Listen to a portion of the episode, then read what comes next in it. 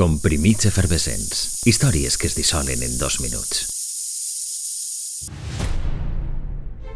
Milions d'espectadors matinaren ansiosos de conèixer el final d'una història polièdrica que els havia llevat la son durant cinc anys. Què va passar realment amb els passatgers del vol oceànic 815 entre Sydney i Los Angeles?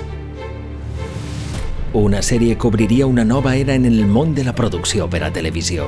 Un 23 de maig i en difusió simultània en 57 països s'emetia el capítol final de Lost. 150 minuts que no satisferen a tots aquells que exigien explicacions pormenoritzades. Pretenien saber per què hi havia osos polars passejant per una illa tropical, estàtues de civilitzacions antigues i mil detalls més després de sis intenses temporades. No tot el món entengué que els creadors de la sèrie volgueren donar una resposta genèrica a través del seu capítol final. No obstant, seguint el seu exemple, el gènere reivindicà que ja no volia ni podia ser la germana pobra de la producció cinematogràfica. Arran d'esta sèrie, nasqué una nova manera d'entendre l'entreteniment. Sèries que busquen un sentit més profund i transcendent en els seus arguments i que han fet passes estratosfèriques en qualitat tècnica i narrativa.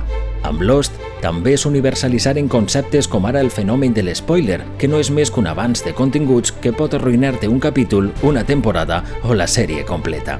I només és un dels aspectes que fan de Lost una producció revolucionària que avui fa set anys emetia el seu capítol final, un 23 de maig de 2010.